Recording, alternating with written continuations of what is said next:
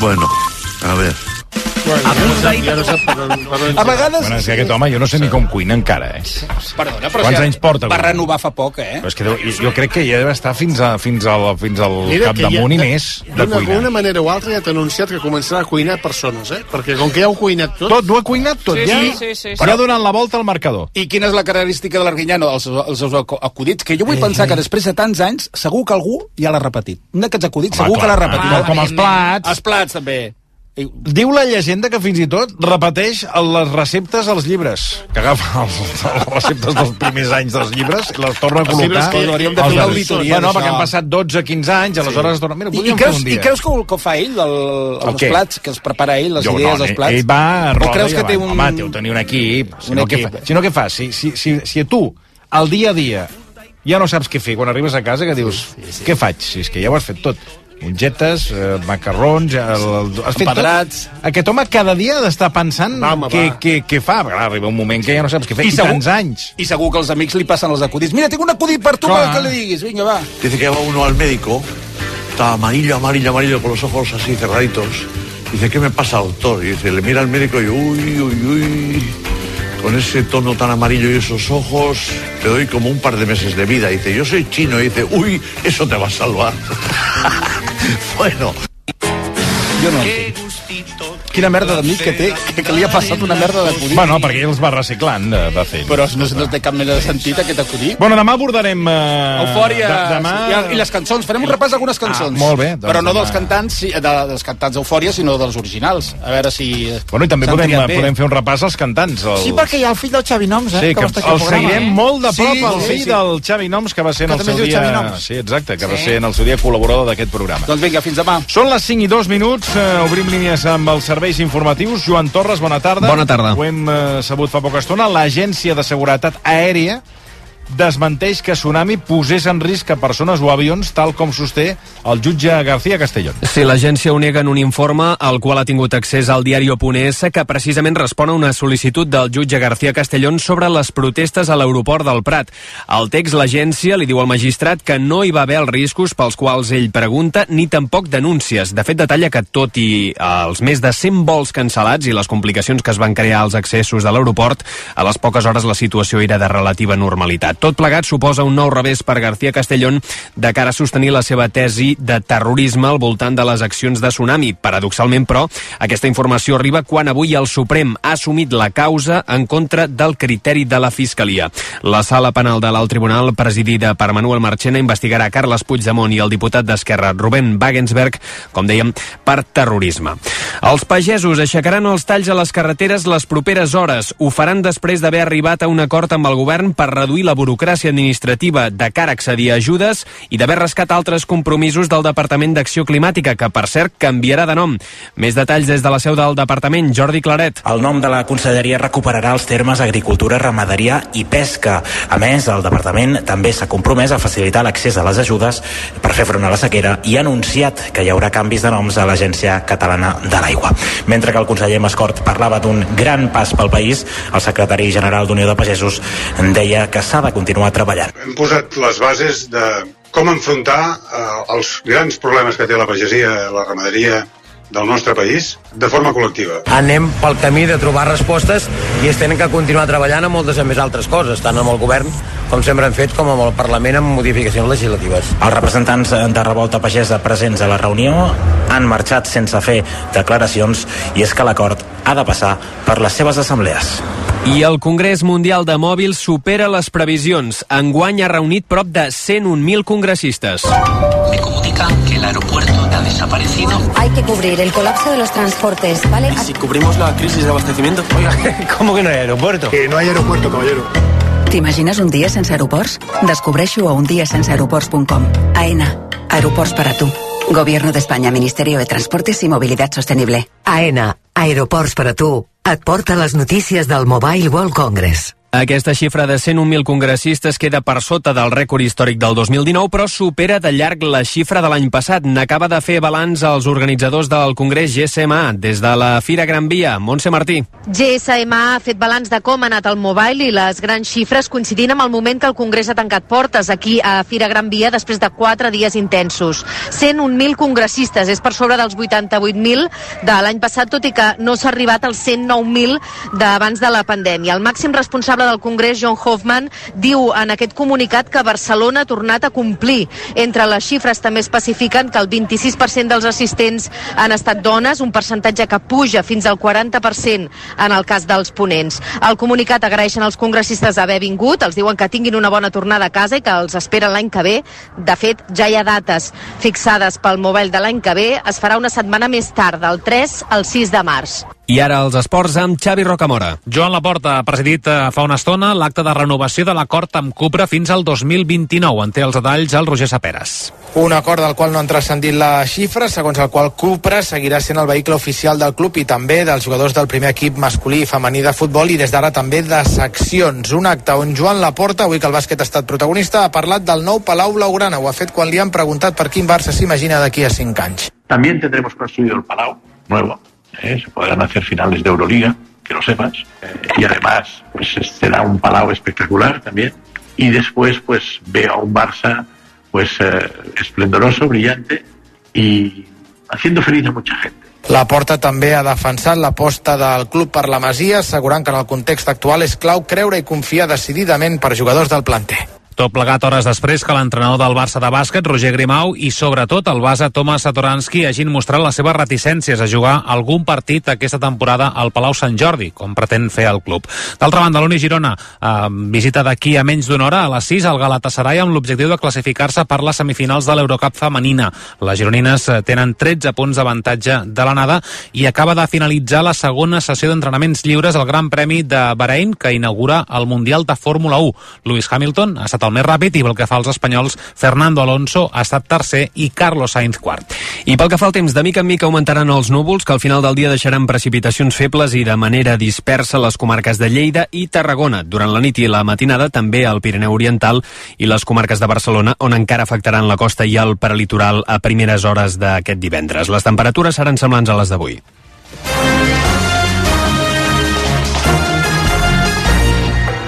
Pla 123 aconseguiràs aprimar-te i reduir la panxa. És un tractament ràpid i segur, amb registre sanitari, natural i apte per a tothom. Té un efecte drenant que fa que et desinflis i no t'has de preocupar perquè seguiràs menjant com ho feies.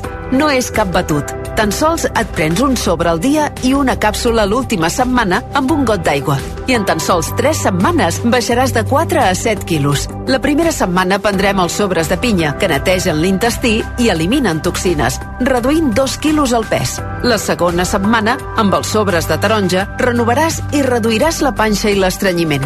La tercera setmana, amb les càpsules ja es nota la pèrdua de greix a la cara, la cintura, l'esquena, la panxa i les cames perquè cremen i capten el greix. Són saciants i aprimen de 4 a 7 quilos. Fes la teva comanda al 650 51 52 53 i t'enduràs de franc una caixa de galetes dietètiques ecològiques de pura fibra i oli extra verge. 650 51 52 53. És econòmic i amb enviament gratis. Informa't sense compromís. 650 51 52 53.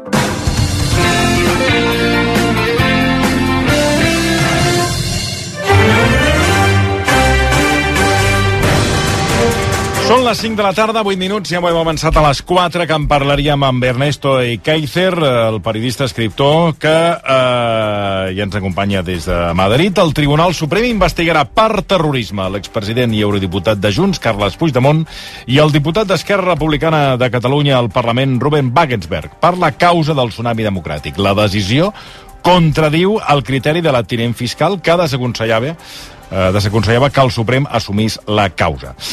Ernesto Ekaizer, bona tarda. Molt bona tarda, Toni. Bé, com hem d'interpretar aquesta decisió de la sala on eh, no han fet cas del que va recomanar o del dictamen que va, que va fer la tinent fiscal de la Fiscalia, eh, Ángeles Sánchez Conde, eh, que vostè ens va rebatejar o ens va dir que la coneixeríem a partir d'ara com eh, Heli. Com, com hem d'analitzar eh, aquest, aquest dictamen totalment contrari a Ángeles Sánchez Conde? Yo creo que ya estaba descartado esta posibilidad en el sentido de que se iba a producir, estaba descontado, como se suele decir en lenguaje bursátil, eh, que se iba a producir. Esa sala tiene cuatro magistrados que han sido directamente implicados en resoluciones del proceso, eh, aparte de su presidente, que fue presidente del tribunal, el señor Manuel Marchena. Pero los otros miembros de, eh, de la sala, eh, cuatro, eh, uno de ellos ha sido fiscal general del Estado en la época, Julián Sánchez Belgar, y los otros han sido miembros del Tribunal del Procés. A ver, estamos hablando siempre de lo mismo. Están haciendo un nuevo procés aquí. Lo que pasa que esto es un contraprocés. Mm. Bona lectura, aquesta, del, del contraprocés. Uh, a veure, uh, la qüestió és que la magistrada instructora del Tribunal Suprem en la causa contra Puigdemont i Wagensberg és Susana Polo. En sabem alguna cosa, Ernesto, de quin perfil té, com és, qui és uh, Susana Polo? Sí, es una magistrada más bien del sector progresista, es una magistrada que lleva pocos años en el Supremo, eh, es una magistrada que se ha destacado por tener algunos votos más particulares de discrepancia con Manolo Marchena, con el presidente. Por ejemplo, hizo un voto particular, uno de los dos votos particular en la sentencia de Alberto Rodríguez fue de ella, eh, en el sentido de que decía que se vulneraba la presunción de inocencia porque se dio credibilidad al único testimonio contra Alberto Rodríguez, que era el policía si bien eso está en la tradición de lo que es la tipificación de ese delito de atentado contra la autoridad, ella dijo que eh, no era posible basarse solamente en ese testimonio, hizo un voto particular, lo cual ya es mucho en la sala segunda del Supremo, ¿eh? No, no, per això li dic, per, per conèixer una mica el perfil de qui farà la instrucció del cas, que és, eh, com dèiem, Susana Polo. El tribunal planteja diversos indicis que acreditarien la participació de l'expresident en les protestes del tsunami i ho fien tot al bloqueig de l'aeroport del Prat. Per cert, tal com explicàvem eh, fa un moment, eh, hem conegut el dictamen novament de l'Agència de Seguretat Aèria, que ho comentàvem a les 5, que ha desmentit que tsunami posés en risc persones o avions tal com sosté el jutge García Castellón, no sé si aquests dictàmens eh, els, els membres del tribunal els és igual, no? O sigui, tant els hi en fot el dictamen com el que digui l'Agència la, de Seguretat Aèria com el que digui Susum Corda. És igual. Ho dic perquè, clar... Bueno, vamos seguit, a ver, el punto segundo del, act, del auto ¿Sí? de admisión de la exposición razonada del juez García Castellón eh, habla precisamente de eso pero los magistrados eh, que eh, se la cogen en, eh, de una manera cuidadosa, ¿no?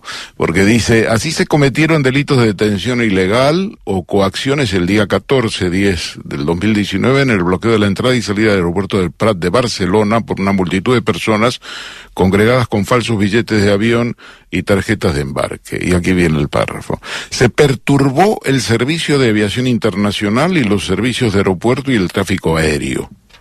Se perturbó. Hmm. No dicen en qué consistió la perturbación. Se impidió el acceso de usuarios y tripulación. Hmm. Sí, sí. Se, ais- se aisló la torre de control del aeropuerto, donde se quiso obligar a permanecer a los controladores aéreos. En otros términos, está hablando de una intencionalidad, no de los hechos que ocurrieron.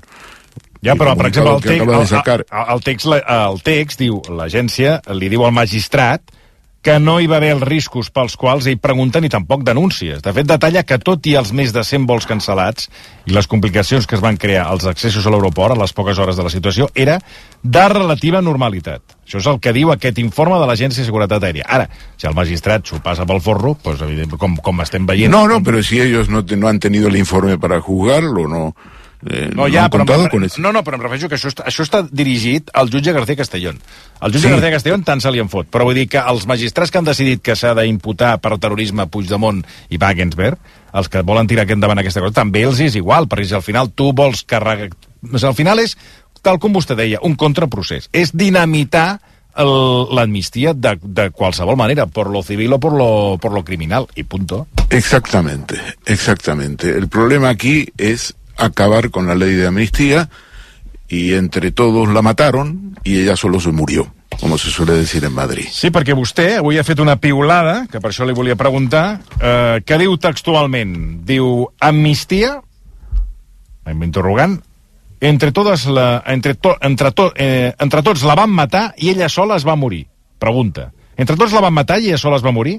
Potser Puigdemont ara, si la dreta aconsegueix demolir el govern de Sánchez, ho pugui intentar una altra vegada amb Feijó. Qui ho sap?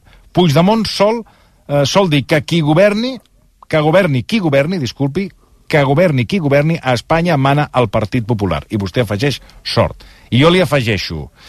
Eh, tan malament veu les coses que Pedro Sánchez no podrà aguantar massa temps o, o, o quina lectura en fa de, de tot el bueno, que està aquí se está creando lo que yo llamo el escenario de 1995. En el año 95, los que ya somos, eh, tenemos unas, unos años para recordar los acontecimientos y, y- y que hemos cubierto esos acontecimientos. Yo particularmente los he cubierto en el diario El País, el chantaje de Mario Conde al gobierno de Felipe González, eh, las escuchas telefónicas eh, eh, del CECID, el ataque a Narcis Serra cuando era vicepresidente del gobierno, del gobierno, en fin, ahí se los temas de corrupción que indudablemente afectaban al Partido Socialista, pero que fueron debidamente amplificados con muchos altavoces. Eh, ahí se crea una situación en la cual eh, la caída del gobierno es eh, inminente. El gobierno había, de Felipe González había surgido victorioso de unas elecciones muy justas en el año 93. El Partido Popular incluso afirmó que las había ganado. Eh, salieron en la medianoche Alberto Ruiz Gallardón, eh, por ejemplo, y, y, y. Arenas, y Arenas, para decir que, que, bueno, que prácticamente habían ganado las elecciones, evidentemente no las ganaron, y se abre ahí en el año 93 un periodo que podríamos caracterizar como un bienio 93-95 negro. Y ese es el la situación que se está recreando ahora y que el PP desde luego va a contribuir. Desde luego sobre la base de errores y la base de elementos que evidentemente tiene el, el PSOE toda la responsabilidad, ya veremos a dónde llega, porque este te- este tema de las mascarillas pues hay que hay que discutirlo en detalle, no, Ara, hi, no a, es, eh, a- ara hi entrarem, eh? digui. Claro, pero quiero decirle que se crea una situación de ese tipo. Por eso yo digo que Puigdemont y sus asesores tienen que tener en cuenta, la, la, amnistía tiene que llegar al BOE lo antes posible, lo antes posible, lo antes posible, lo subrayo, y no quiero decir con esto que cualquier proposición de ley de amnistía, la proposición de ley de amnistía que rechazó eh, eh, Junts es una proposición de ley de amnistía que cubría básicamente todos los temas de seguridad. Que los jueces luego pues salga uno y salga con una, bueno, eso no se puede evitar nunca. El problema es que esa ley estaba prácticamente blindada. Veremos a ver lo que pasa en las próximas semanas. Yo no digo que Puigdemont no pueda cambiar de posición, pero me da la impresión que aquí, aquí cada uno juega el partido de una manera muy peculiar. Y bueno, pues si Puigdemont cree que hay que negociar con Feijó y con el PP, porque son los que mandan en este país, hombre, pues suerte. A ver qué pasa con, con esa hipótesis. A lo mejor él es más sabio que todos nosotros y consigue que, en fin, que, que Feijó eh, eh, apruebe un, un, una- un indulto o no Però- sé lo que negociaron en su día. Però això, això ho diu perquè... Com li, com li, això ho diu perquè vostè... És, és un comentari avui a la pluma o ho diu perquè ho diu amb una certa base? És a dir, que, que, bueno, de que potser l'estratègia ara passaria per, per canviar, diguéssim, de, de grup parlamentari. No, lo digo porque en agosto, cuando yo tuve los contactos con gente próxima a Puigdemont, ellos me insistieron mucho de que ellos preferían al PP. Se lo digo tal cual. Lo tengo, en fin, eh, puedo documentarlo eso. Preferían al PP Pero ¿por qué? y negociaron antes con el PP que con el PSOE. Y bueno, si quieren eso, pues oye, allá ellos, que, que lo prueben. A lo mejor Y- son y- más y- visionarios que nosotros, muchísimo más listos y conocen mejor quién es Feijóo que usted y que yo. No li preguntava perquè... Eh, qui, o sigui, quins arguments eh, li donaven a vostè per dir si és que li van donar algun argument de que amb el PP les coses, o sigui, que ho veien millor que amb el Partit Socialista. On, on estava? Porque es un la- partido serio. Es lo mismo que dice Puigdemont, eh, el, el- el PP de Puigdemont. Puigdemont es serio. Como dijo, eh, no engaña. Eh, Como dijo mm, eh, el, eh, el que fue eurodiputado y ahora también probablemente se presente como cabeza de lista de- del PP para las elecciones europeas eh, y que negocia todas las Esteban González Pons, la, la, negocia la, la presunta Esteban, renovación eh, sí, del Consejo este- General del este- Poder Judicial, la presunta, porque más que presunta no podemos hablar, hablar de ello, ¿no? De negociación no hay nada, si es que no hay nada, si están eh, perdiendo el tiempo porque ellos piensan que van a llegar al poder, entonces ¿para qué van a renovar? Ya lo renovarán ellos con su mayoría, ¿eh? Y no dejarán que los años en que tenía mayoría el sector progresista, el Partido Socialista y eh, sus eh, aliados, pues tuvieran una representación may- mayoritaria en el Consejo General del Poder Judicial. Y entonces se saltan esa etapa. Y entonces, ¿para qué van a negociar ahora? Entonces están mareando la perdiz. Entonces, ¿qué pasa? Eh, lo que tenemos aquí es, es esa situación. Entonces, eh, eh, Puigdemont, pues, a lo mejor piensa que, que no merece la pena y de cara a las elecciones que van a tener lugar en, en Cataluña en el año, eh, en febrero del 2025, como mucho, ¿eh? las autonómicas, pues a lo mejor él piensa que eso es eh, mejor para él. De momento, lo que tenemos es que ellos están bloqueando la ley de amnistía. Están retrasando lo más posible que llegue al PSOE. Això, de- d'això li anava a preguntar, és a dir, que Al boletín eh, oficial del Estado. No, li anava, li anava a preguntar això perquè, clar, la decisió impacta de ple en les negociacions entre el Partit Socialista i Junts, que diuen que han fet trobades eh, discretes. Eh, la pròrroga que van demanar s'acaba dijous vinent. Ara es parla de demanar una altra nova pròrroga. Eh, vostè alerta de que això s'hauria de fer el més aviat possible. No sé fins a quin punt, eh, tal com estan les coses, i tal com se li està posant la legislatura a Pedro Sánchez, si això finalment, o per part de Junts, si finalment aquesta llei d'amnistia pot no arribar al, novament al Congrés de Diputats. De momento no hay eh, inputs importantes. Yo he preguntado a gente del gobierno y me han dicho no sabemos qué, cuál es la posición de, de, de Junts ahora. Eh, hay algunos que dicen que sí, que es más favorable, otros que mm, dicen que bueno, que con el incidente de la eh, del infarto que ha sufrido eh, eh, Jordi Turull, eh, pues, eh, pues eso evidentemente ha ralentizado las negociaciones y ha planteado un paréntesis. Veremos a ver ante el escenario político que se habrá abierto con el señor Coldo García, que es el amo de este país, eh, en este momento. Entonces, veremos a ver qué plantea Puigdemont y qué plantean eh, eh, Gonzalo Boyé y, y ver cómo ven el tema de la, de la amnistía. Eh, veremos a ver. Pero yo pienso que aquí cada uno está haciendo sus escenarios. El, el Feijóo cree que ya acaricia eh, la Moncloa. M'agrada La, molt la aquest... estrategia es a fondo, a tumbar al gobierno. Sí, sí, dic, m'ha m'ha agradat molt aquest, eh, aquest, aquest, aquest link que ha fet vostè del 93-95, perquè el recordo perfectament que va ser una tormenta d'allò que se'n diu tormenta perfecta, fins que al final el govern socialista no va poder... Sí, no, lo que pasa no que poder había elecciones en el 96, pero de esa legislatura que ganó en el 93 Felipe González y que el Partido eh, Popular consideró que había ganado él, en fin, llegó a decir que había incluso un pucherazo eh, en las primeras horas de la después del domingo aquel, pues eh, esa legislatura se, se acortó y hubo elecciones en el 96.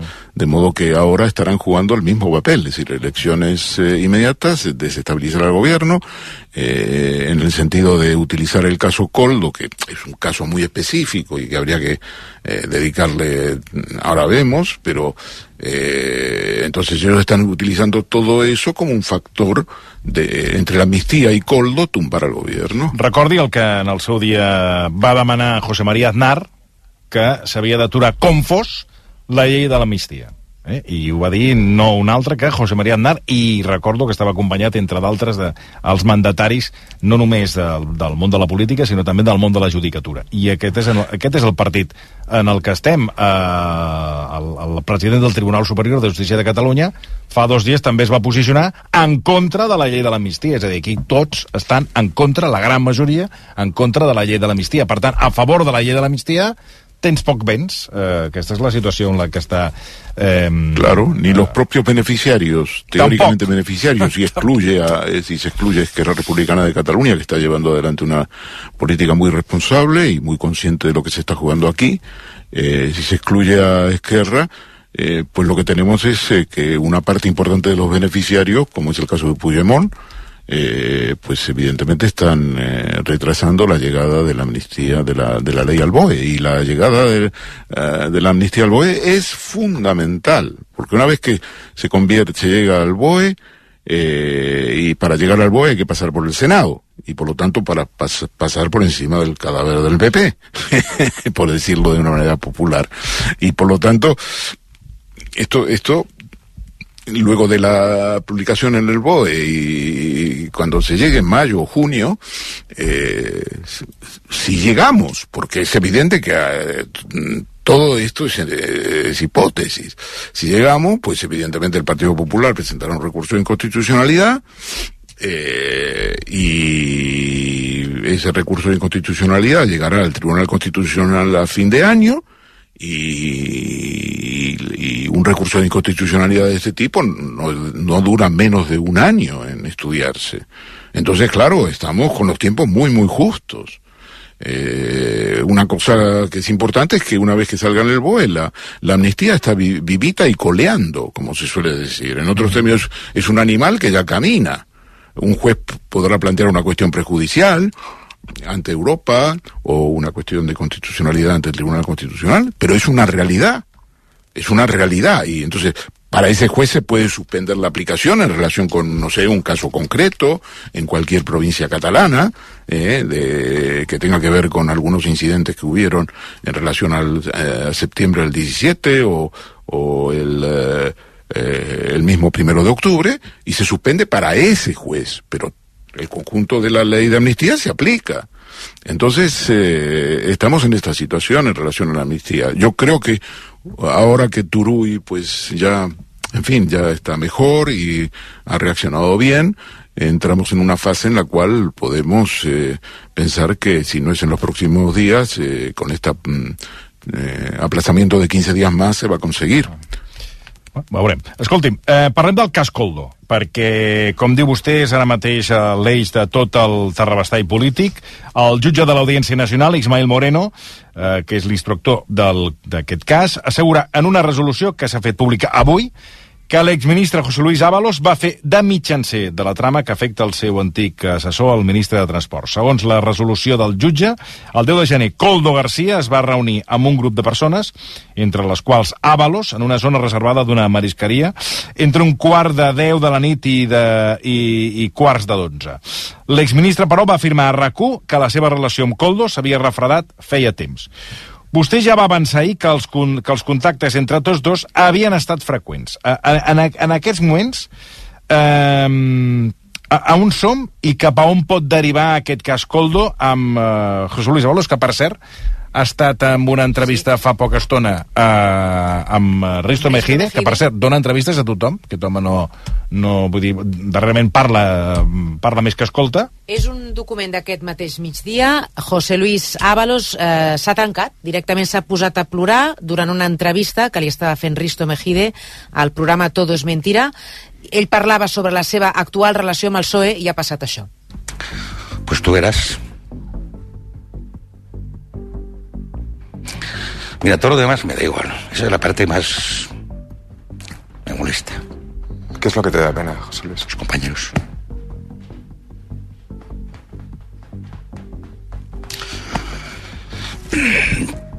Espera, eh, te decía que mantengo relación con ellos. Hoy mismo hablaba con la secretaria general si valía la pena que fuera a votar o no. ¿Pero qué te da pena? ¿Te han dejado... que te hayan dejado? No, ¿Que te han dejado no, solo? Me da pena dejarlos yo. No me han dejado. No puedo hablar los mensajes. Tengo los correos reventados. Las redes hace tiempo, desde que, que ocurrió, que no entro. Gente que me escribe. Gente que, que, que además me dice, mira, soy apolítica, paso de la política, pero valoro su gesto. Pero no entiendo que te dé Compañeros pena. Tú los vas a seguir viendo y has seguido... has- públicos. te has quedado en el, en el Congreso de ¿Eh? los Diputados por decisión propia y vas a seguir viéndolos. ¿Cuál es el problema? Joder, el sentido de pertenencia. Bueno, pasamos a otra cosa. Que me sienta más... 43 años, tío. Ernesto. Bueno, aquí el problema es el siguiente. Yo, no- yo te- francamente, esta escenificación, eh, no digo que no se sienta mal, y yo, en fin, no, le deseo como cualquier otra persona lo mejor para él. y- pero lo que pasa es lo siguiente, esta escenificación no viene a cuento. No viene a, a ningún cuento, porque él, el Partido Socialista, eh, le llegó en sus listas en, en julio. El Partido Socialista salió elegido.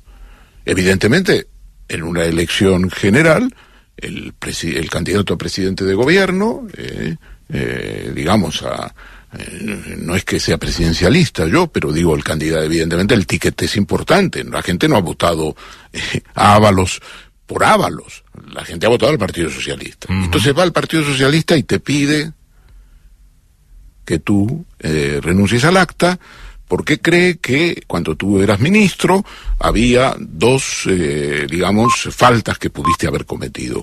Una es, eh, que en, la- en latín se llama in, in eligiendo, es decir, en la elección del personaje, en este caso Coldo, y toda su cohorte, porque no es Coldo, es la mujer de Coldo, que era una empleada de una empresa de limpieza, que la puso como secretaria, el hermano de Coldo, el, otros familiares, en fin, ineligiendo. La otra razón es in- invi- invigilando, también en latín, es decir, que tú en el momento que te han advertido, por ejemplo, Santos Cerdán, el actual secretario gen- general, de, secretario de organización del partido, le advirtió varias veces y él consideró que no tenía que hacerle caso. Entonces, invigilando. Entonces el partido te pide que dejes el escaño.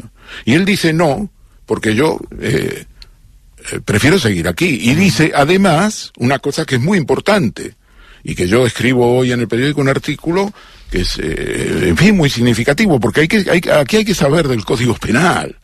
Eh, hoy día no puedes hablar de política en España sin el Código Penal en la mano, y la ley de enjuiciamiento criminal, y la ley general, y la ley orgánica del Poder Judicial. Lo digo en el sentido siguiente, en el sentido de que hay un artículo del 118 punto bis del, de la ley de enjuiciamiento criminal, que siendo él aforado, él hizo referencia el día martes a él. Él dijo, ah, hombre, aquellos que dicen que yo me quiero parapetar y, y, y- y defender con el aforamiento. Pues eso, eso no es así porque yo conozco un caso de un aforado que también testificó en la justicia ordinaria. Pues eso, pues oye, yo eh, publiqué el día, eh, el, el- el- el- el día eh, de ayer, que era mentira que él hubiera acordado con Coldo, que le había visto, había visto tres o cuatro, cinco veces, que le había visto en Madrid y en el Levante, que una de las veces en que le vio, entre ellos hubo documentos intercambiados, que también había visto a Joseba. Y esto lo dije, fíjese Tony, qué increíble. Se lo preguntaba a Mónica me ha, me ha dicho los datos. A las ocho y, y algo, él volvió a decir a Jordi Basté que su relación con Coldo se había enfriado. Exacto. Y yo a las nueve y diez, en una larga entrevista que me hizo Gemma Nierga en Radio Televisión Española, en el Café de Ideas, sí, Café de sí, dije exactamente lo contrario. Dije, la relación no solo no se ha enfriado, sino que me responda el señor, que no podía responderme porque estaba con Basté y, con, y también en Cataluña Radio, que me responda el señor eh, em, José Luis Ábalos, ¿cuántas veces ha visto a Coldo García? Y que me diga si se entrevistó o no con Joseba García Izaguirre, el hermano de Coldo. Porque mi información es exactamente la contraria de la que él dice. No solo no se ha enfriado, sino que ha estado viendo leos después de que se ha judiciado el tema. Se ha judicializado la querella el día 6 de septiembre. Y el señor eh, em, Ábalos se reunió cuatro o cinco veces. Cuatro o cinco veces. Él acaba de decir de que se encontró con Coldo García en un restaurante de casualidad que pasaba por ahí, había ido él y había ido García y se encontraron ahí. ¿Y que él iba con otra persona? Pues le voy a dar un dato que me acaban de decir de la Guardia Civil. Era un reservado. ¿Qué le parece? Sí, clar, un reservat no és casualitat que t'hi trobis. Entonces, ¿a qué jugamos aquí? Entonces, ¿cómo le decía yo lo del 118 bis? El 118 bis establece para los aforados, diputados y senadores, la posibilidad de que cuando tú conoces un hecho, aunque estés aforado, ¿Sí? puedas defenderte y puedas aportar a la, a la Administración de Justicia tu punto de vista. Entonces, lo que yo digo es lo siguiente. Señor Ábalos, usted dijo el día martes, cuando explicó su pase al grupo mixto, que no era verdad que usted se parapetaba o se acantonaba detrás del fuero. Que no era por eso. Porque, entre otras cosas, se podía prestar declaración siendo aforado. Entonces yo le digo desde aquí, desde RACU, donde usted ha estado ayer, y nos ha contado una milonga, hablamos, hablemos en plata, en relación a su enfriamiento de relaciones. Qué vergüenza. El mismo día yo, que yo lo de- denunciaba la situación en Radio Televisión Española, pues él decía, eh, intoxicaba. Y decía que se había enfriado. Entonces yo le digo desde aquí, señor Ábalos, usted está muy dispuesto a dar entrevistas. Pues deje las entrevistas. Deje de lloriquear. ¿Qué quiere que le diga? Somos mayores. Vaya usted a- con un abogado a ver al juez Ismael Moreno y al fiscal y le explica lo que, lo que discutía, lo que analizaba los documentos que tenía con, eh, el, el, eh, con eh, Coldo eh, García y con eh, su hermano en los encuentros que tuvo en Madrid, en cafeterías de Madrid y en Valencia. Son varias, son varias, no es una, no es un encuentro que pasaba por ahí y me lo encontré. Estas explicaciones que él está dando ya directamente restan totalmente credibilidad. Somos mayores. Él está dando todo el día entrevistas, Sí, entrevistas, sí. entrevistas. Pues no haga más entrevistas, vaya usted a la Audiencia Nacional, a la calle de García Gutiérrez de Madrid, plántese ahí y diga, yo quiero prestar declaración. Porque usted puede hacerlo legalmente. Si usted no lo hace, no es porque no pueda, sino porque no quiere. Y por lo tanto está produciendo un daño sobre su partido, ¿eh? que usted dice que no quiere producirlo, y por lo tanto es totalmente contradictorio con lo que tiene que hacer. Esa, esa es la realidad. Por eso digo que, perdone que si sea un poco vehemente, pero hay que manejar un poco el, el código penal, la ley de enjuiciamiento criminal, para saber de qué estamos discutiendo. En relación a otro tema que le digo que están manejando la prensa, nosotros, nosotros nos adelantamos. Y le, lo digo sin modestia, sin, sin inmodestia ni nada. No, no, yo ayer dije claramente en dos medios de comunicación, me hubiera gustado decirlo, pero ayer tuvimos que aplazarla, la, porque si no lo hubiéramos hecho desde aquí, eh, que el señor eh, Ábalos nos estaba, no nos estaba diciendo la verdad, que el señor Ábalos se había visto con Coldo García cuatro o cinco veces, que se había visto en Madrid y en Levante, y que además se habían visto con documentos.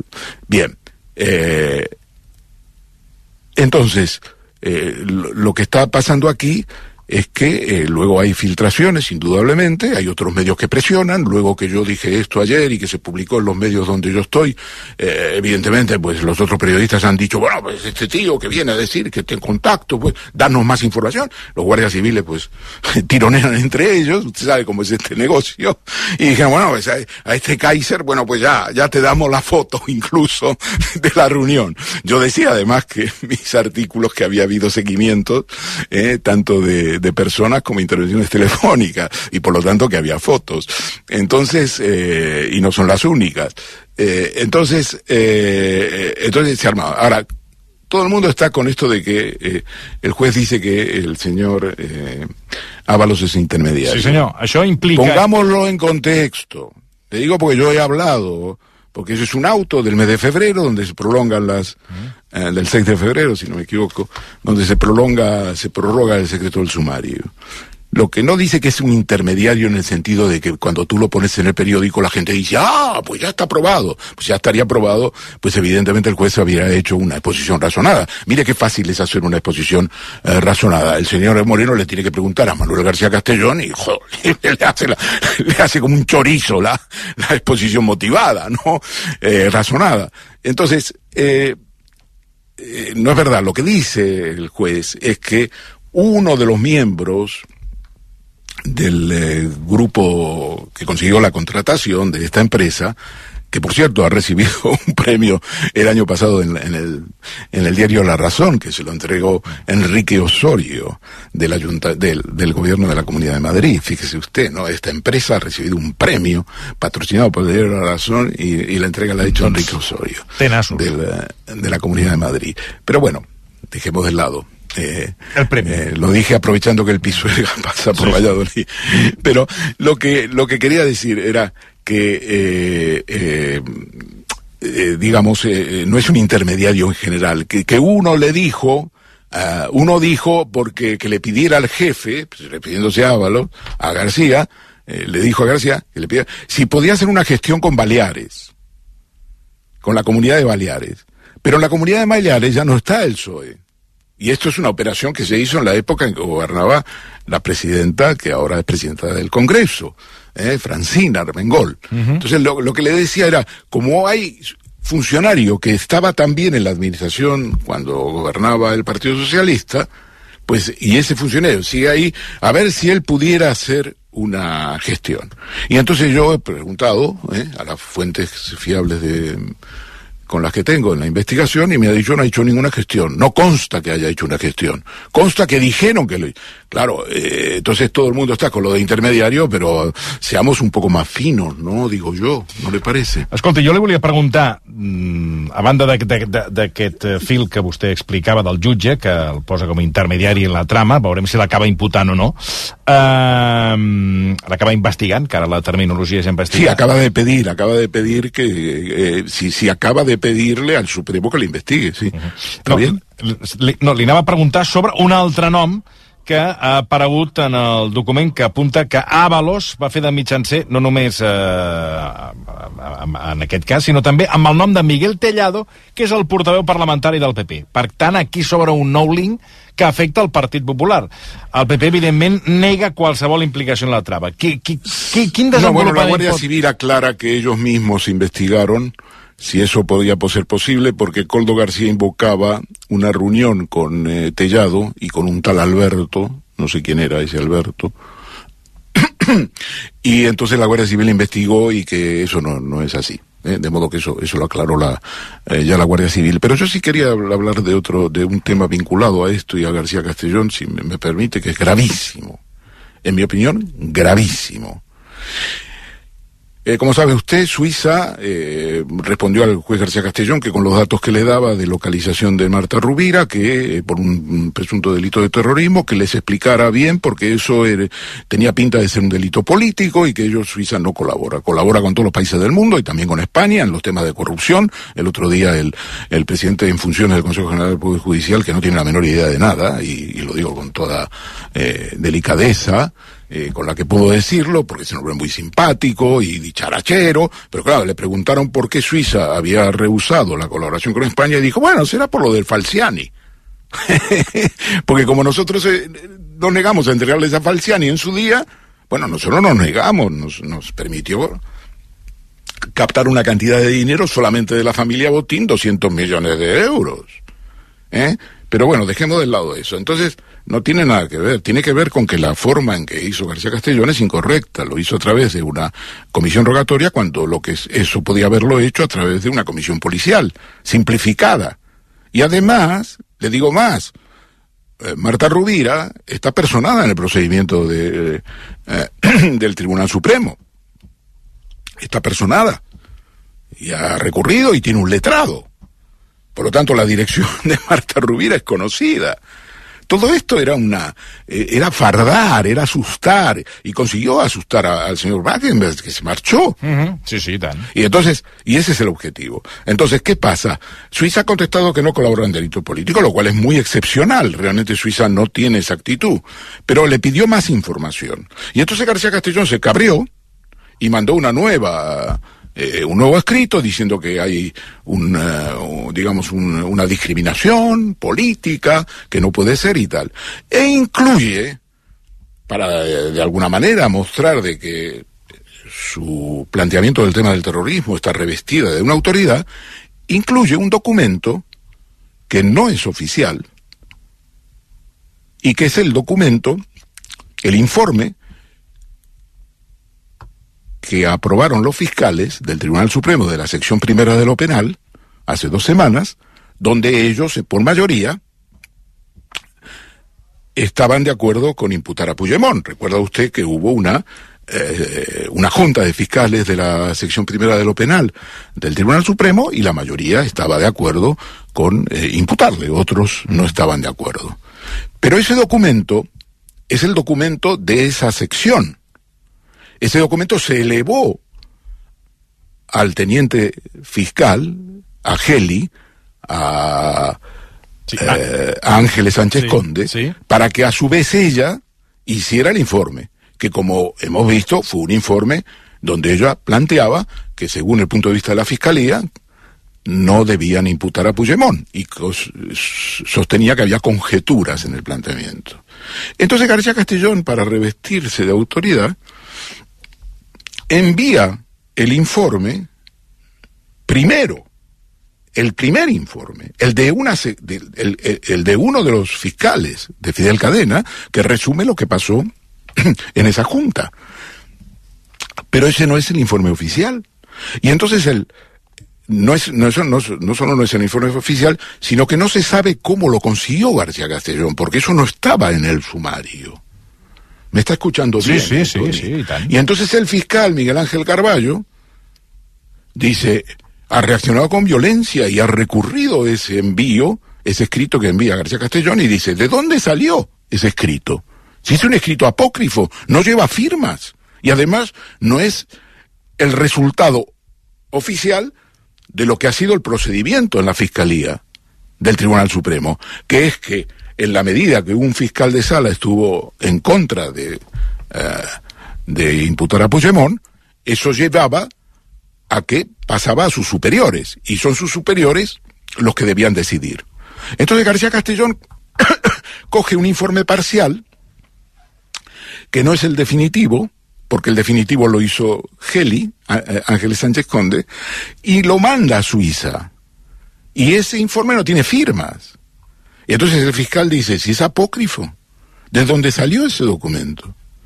Entonces yo lo quiero ligar con otra cosa, Tony, que probablemente usted, eh, por los detalles, eh, le resultará sorprendente.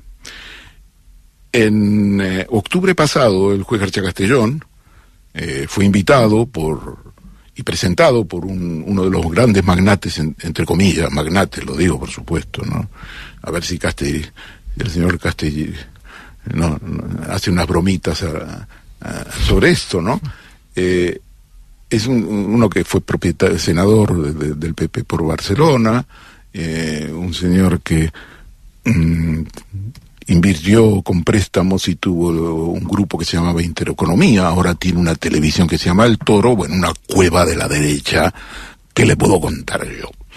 Eh, entonces le presentó en una en el periódico Región de Urense, la región, en un foro, iban ahí comensales, distintos comensales, y el juez García Castellón, es ahí cuando le pregunta un comensal, dice, bueno, ¿y qué nos puede decir de la ley de amnistía? No, dice, pues eh, en una entrevista que le había hecho el periódico Región de introducción a, este, a esta charla, él había dicho que él no podía hablar sobre eso, porque eso es un tema que evidentemente no, no podía intervenir un juez y tal. Pero ya en la charla se animó.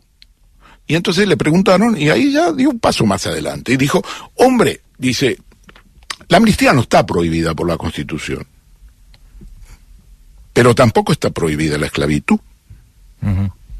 ¿De acuerdo? Sí, sí. Entonces, eso tuvo mucha repercusión en la prensa, mucha.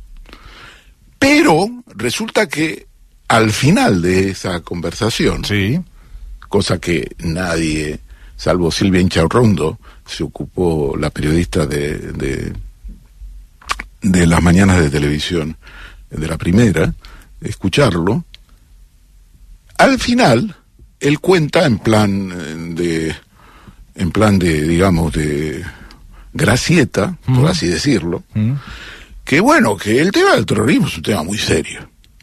Y que él cuando estaba en negociaciones con Francia por entrega de Tarras, por colaboración de Francia con, con, con España, Sí, en la entrega de Tarras, Mm, em consta, sí.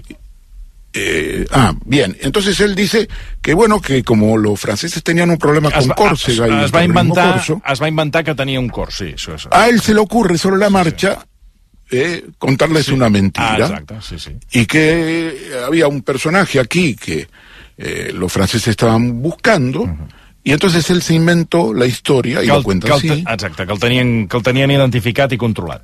Y que por lo tanto si ellos colaboraban con ET- con la entrega de Tarras y con el- la persecución de ETA, ellos al mismo tiempo colaboraban con el gobierno francés en la entrega de este personaje eh, que tenía alguna cosa que ver con el terrorismo corso. Y lo cuenta así. Entonces yo digo lo siguiente. El Consejo General del Poder Judicial existe, está vacante, pero eh, eh, digamos está sin renovar desde hace más de cinco años, pero existe. La comisión disciplinaria existe. Nadie le ha preguntado a este señor, ni a nadie, qué es eso de que un juez admita que miente a otro Estado para conseguir un objetivo. En otros términos, el fin justifica los medios. Y digo yo, ya en plan Mafalda, esto que acaba de hacer en las últimas horas García Castellón con Suiza, de meter un informe que no está firmado, que no sabemos, según dice el fiscal, el señor Miguel Ángel Caraballo, cómo ha llegado al sumario, esto tampoco tiene ningún tipo de consideración por parte del Consejo General del Poder Judicial, porque entonces es que no existe el Consejo General. Entonces pongámonos serios. No es que no está renovado, es que no existe, es que está disuelto, o es que el señor García Castellón realmente tiene una capacidad y unos apoyos donde nadie va a decir, mejor dicho, más que, más que va a decir, le va a pitar una falta. Nadie va a pitarle una falta, ni por mentir a los franceses, a confe- digamos, eh, es una confesión que ha hecho. Es decir, es una confesión, por lo tanto, relevo de pruebas. Y ahora nos manda un documento apócrifo a Suiza, que no se sabe cómo lo recibió. Insisto, según la denuncia en su recurso del fiscal Miguel Ángel Garballo. Si lo dijera yo, pues no tiene sentido, no, tiene mucha importancia. Pero es que lo dice el fiscal en un recurso. Entonces, ¿qué pasa en este país? ¿Qué pasa en este país? Ernesto, moltíssimes gràcies. Passen moltes coses. Avui n'hem tractat moltes aquí al programa. Una abraçada molt forta. Gràcies, adeu. Par parlant de coses que passen, doncs eh, s'ha tancat el mobile i ja tenim dades, ho expliquem en dos minuts. Versió RAC 1. Descobreix les col·leccions que acaben d'arribar a la Roca Village. Bosses oversize, mocassins i sneakers. Troba els nous clàssics que elevaran el teu look amb fins a un 60% de descompte a marques com Hoff, Vans o Furla. Visita la Roca Village de dilluns a diumenge i explora el més nou a més de 150 botics. Vols saber l'autèntic secret de les magdalenes i pans de pessic de la granja? Agafa només ingredients de la millor qualitat. Posa-hi molt d'amor i paciència, fins a aconseguir aquest sabor i textura tan inconfusibles. Mmm, tan bons. La granja, la qualitat que et mereixes. Aquesta Setmana Santa amb Rosa dels Vents gaudeix de les primeres vacances de l'any en família. Entra a turismeenfamilia.com i descobreix el nostre ventall de cases i activitats amb els millors monitors per gaudir d'una Setmana Santa inoblidable. Pensió completa, activitats i animació tot inclòs. turismeenfamilia.com. Tot allò que realment importa. Tens Ariel per la rentadora? Perquè ara al Corte Inglés, si en compres dos, te n'emportes tres. Així de fàcil. En compres dos i te n'emportes tres.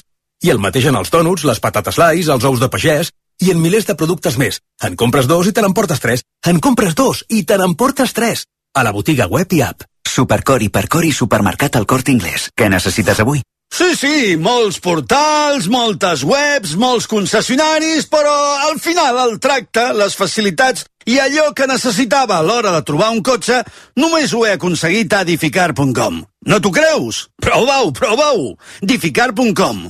I si fa falta, te'l portem personalment fins a casa. Mireu, nois, us presento. Aquest és el meu tiet Àngel. A veure, el tiet, el tiet. Per ella sóc com un pare, de fet. Que no, que ets el meu tiet. Però com si fos el seu pare. Home, si t'he estimat com un pare des de ben petita. Si més que un tiet sóc com un pare, sí, sí, un pare. Doncs au, ets el meu pare. Per 17 milions d'euros et fas pare de qui sigui. Ja hi ha a la venda el cupó de l'extra dia del pare de l'11. El 19 de març, 17 milions d'euros. Extra dia del pare de l'11. Ara, qualsevol vol ser pare. A tots els que jugueu a l'11, ben jugat. Juga responsablement i només si ets major d'edat. Versió RAC 1 amb Toni Clapés. AENA, Aeroports per a tu, et porta les notícies del Mobile World Congress. Doncs que ens porta les notícies del Mobile World Congress, perquè hi ha notícies. Montse Martí, Montse, bona tarda. Hola, bona tarda. Ja tenim balanç del que ha estat aquesta edició 2024. Sí, uh, un balanç, ja es podia intuir, uh, l'edició d'aquest any ha estat un èxit. Uh, la xifra definitiva d'assistents és 101.000, per Fixa't. tant, supera les expectatives, les previsions que tenia uh, prèvies al Congrés GSMA, que és la patronal que organitza el Congrés Mundial dels Mòbils, però sí que és veritat que no arriba a la xifra rècord dels 109.000 assistents que hi va haver el 2019 abans de la pandèmia. Tot i això, el director general de Fira, Constantí Serrallonga, ha sortit a fer balanç de com ha anat aquesta edició i ha dit que tothom està molt content de com ha anat eh, aquests quatre dies de congrés, si et sembla el sentim. Sí. Estem molt contents, estem realment eh, davant d'una edició que ha sigut magnífica. Jo crec que estem davant d'una de les millors edicions de la història del mobile. De fet, no és tan important el que digui jo, sinó com el que pensa la GSMA. I el senyor John Homan fa uns moments ens acaba de dir ell personalment, a uns quants, que aquesta ha sigut per ell la millor edició de la història del Mobile World Congress. Per tant, això és un orgull eh, que volem fer partíceps a tothom. Eh, que això passi a Barcelona, que això passi al nostre país, doncs eh, és molt important, no és una casualitat. També hem d'explicar, Toni, que en aquesta edició el Mobile s'hi ha cabut més o menys bé aquí a, a Gran Via, però hi ha poc marge per créixer amb les instal·lacions actuals. Per això, tant Fira com GSMA ja estan pensant, ja estan buscant eh, què fer els propers dos anys mentre no estigui construït aquest Hall Zero que es construeix aquí al costat de Fira Gran Via, a l'Hospitalet de Llobregat. El que ens han explicat és que l'any que ve doncs, buscaran nous espais, per exemple, construiran noves carpes a l'entorn d'aquest recinte eh, de Fira Gran Via per poder eh, el mòbil doncs, perquè pugui créixer i no frenar-lo amb imaginació, com hem fet aquest any una carpa aquí que podem veure, no? que ens ha permès eh, una gran fluidesa amb l'entrada. De fet, un dels temes que tothom ens ha, ens ha reconegut i felicitat és per la agilitat que hi ha hagut amb l'entrada. Eh? Ens buscarem fórmules, diguem-ne, de construccions temporals, eh, allà on puguem, per guanyar espai real i ens farà falta perquè ja ens ha anunciat la GSMA doncs, que, que es necessiten espai. Per tant haurem de buscar maneres d'oferir-los més espai dintre el recinte i esperant que el 2027 puguem inaugurar el Hall Zero que s'està construint i ens confirmaven també que oferiran des de Fira poder fer una part de l'activitat, una part del mobile l'any que ve ja a Fira Montjuïc. Fa uns anys, no sé si us en recordeu, ja es feia el Four Year From Now a Fira Montjuïc, era una part de, diguem, és el congrés petit del mobile, eh, que ara es fa aquí Fira Gran Via i que ha crescut molt des que es fa aquí Fira Gran Via, doncs el que ha comentat Constantí Serrallonga és que l'any que ve es proposarà part de l'activitat del Mobile traslladar-la un altre cop a Plaça Espanya, a Fira Montjuïc. En parlarem. No és descartable que puguem fer alguna cosa amb Montjuïc en absolut. Això la GSMA ho ha de, ho ha de pensar. De fet, nosaltres el que fem amb l'organitzador és el dia següent, que és a partir de demà ja ens asseiem i comencem a valorar els resultats. Valorem part de l'èxit està en què som molt exigents amb nosaltres mateixos. I una de les opcions pot ser aquesta. No està decidit i el que té l'última paraula amb això serà la GSMA. I ara aquí el que et puc dir és que hi ha una feinada de por a desmuntar tot el que hi ha muntat aquí dins el recinte Gran Via. Eh, abans que sortís tothom hi ha entrat molts de, dels professionals que ara estaran desmuntant tot, tot el dispositiu que hi ha muntat aquí, tots els estants.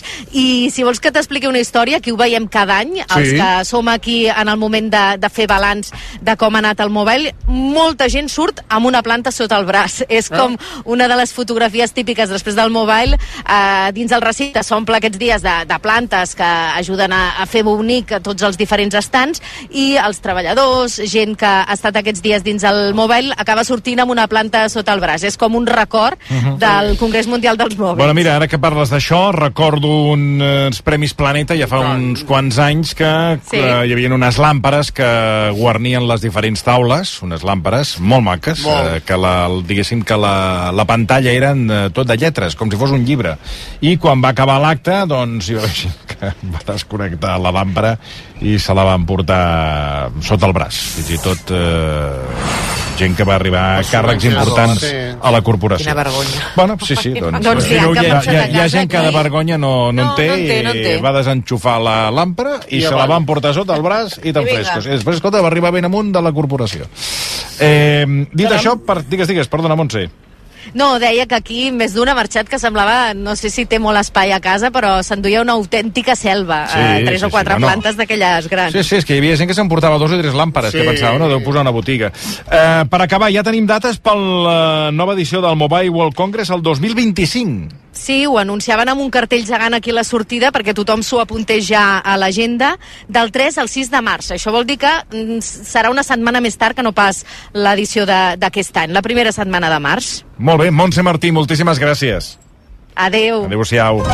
Me comunican que el aeropuerto ha desaparecido. Hay que cubrir el colapso de los transportes, ¿vale? ¿Y si cubrimos la crisis de abastecimiento? Oiga, ¿cómo que no hay aeropuerto? Que no hay aeropuerto, caballero. T'imagines un dia sense aeroports?